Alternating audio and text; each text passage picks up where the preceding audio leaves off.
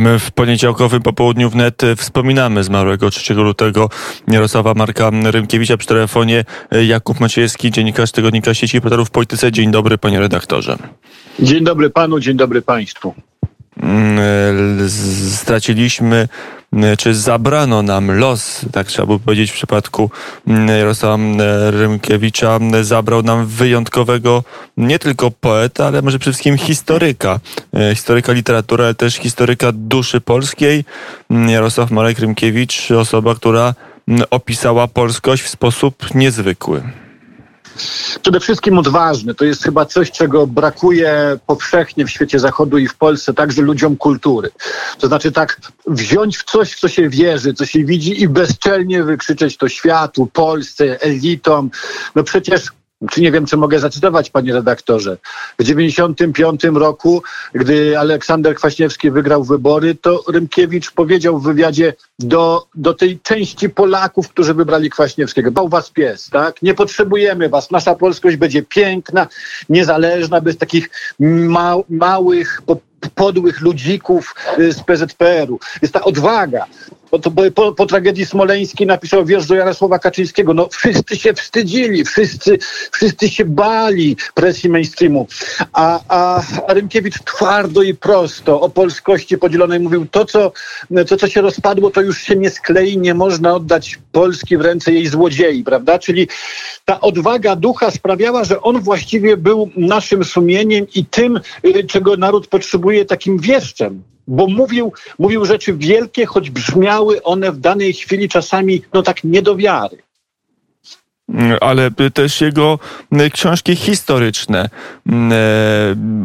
wieszanie, Rejtan, czyli upadek Polski, Umszachplatz, Kindersheyen, do tego jeszcze zapomniałem Samuel Zborowski, chociażby, czyli pochwała de facto szlacheckiej anarchii. Wszystkie książki niezwykłe, wszystkie idące często pod prąd utartym schematom, ale też pokazującym pewną wizję Polski, Polskiej, chciałoby się powiedzieć nawet szalonej, ale w tym pozytywnym tego słowa znaczeniu Polski, która jest wyjątkowa i nie chce się dostosować do norm, które się jej narzuca. Tak, te serie historyczne są znakomite. To jest po prostu literatura, przez którą się płynie. Tam e, Rękiewicz zdaje się osobiście znać e, czy Kościuszkę w Wieszaniu, czy Zborowskiego. E, Kinderszenen, no to wspomnienia z Powstania Warszawskiego uzupełnione jego wielką erudycją i też takimi gorzkimi refleksjami. On, on na przykład prowadzi śledztwo w sprawie tego słynnego czołgu Pułapki, tak? tego, który wybuchł, gdy powstańcy go zdobyli, nie zdobyli, czy im go podstawiono. Więc Rymkiewicz bierze te tematy i mówi o też o pewnej polskiej naiwności, ale mówi tak, nasza anarchia, nasza wolność jest absolutnie niepowtarzalna. A w wieszaniu z kolei ma inną tezę. Mówi, patrzcie, mogliśmy powywieszać tych zdrajców do końca, bylibyśmy nowoczesnym narodem tak królem na czele. Tak, z królem na czele, a tutaj okazuje się, że Polacy stanęli w pół drogi. No i tutaj właśnie mm, widać e, u Rymkiewicza wpływ Słowackiego, tak? Słowacki też mówił, że, że jesteśmy tacy półrycerze żywi, prawda? I Rymkiewicz też mówił, no że nie do końca, nie dokręcamy tej śrubki, ale jednocześnie u Rymkiewicza jest potężna nadzieja, że Polska i polskość przetrwają, choć te zawieruchy będą przepotężne. I to w rozmowach polskich latem 1983 roku w tej fenomenalnym eseju pisanym w stanie wojennym, za którym go zresztą komuna ukarała wyrzuceniem z pracy. On pisał, że narody mogą zniknąć, nawet wielkie i wspaniałe. On pisał o Jaćwingach, ale miał na myśli Polskę w komunie. Ale kończy się gdzieś ten esej taką nadzieją. No cóż, trzeba, trzeba robić swoje, próbować tę polskość dalej toczyć, bo to jest naprawdę rzecz, zdaniem Rymkiewicza i zdaniem też nas chyba, wielka. Mm, zaczęliśmy tą naszą rozmowę od e, wspomnienia mm, takiego stwierdzenia bardzo mocnego po wygranej mm, Kwaśniewskiego w roku 95, ale to chyba był taki bardzo istotny rys w twórczości, w ocenie społeczeństwa polskiego mm, Urymkiewicza, że w zasadzie wolny Polak ma to swoje przeciwieństwo. Wolny Polak jest szalony, jest nieokrzesany, jest ciemny, to wszystko w głębokim cudzysłowie wsadzone, ale ma swojego oponenta, czyli Polaka ułożonego, oświeconego, europejskiego, nowoczesnego. Jeżeli ten Polak nowoczesny, europejski wygra, e, to wtedy Polski nie będzie. Polska będzie tylko wtedy, jeżeli wygra ten e, czysto romantyczny Polak.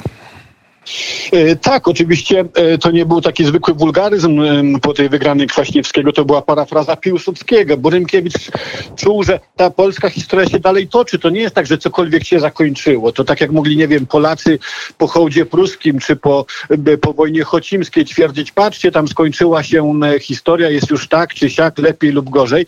Ale żyjemy w takim samym czasie. Za 500 lat będą na nas patrzyli jacyś nowi Rymkiewicze i będą widzieli, że byliśmy za słabi, że czegoś nie dokończyliśmy. A Rymkiewicz reprezentował tych, którzy właśnie są wyśmiewani za polskość. To moherowe berety, my, konserwa, pisowcy i tak dalej, i tak dalej.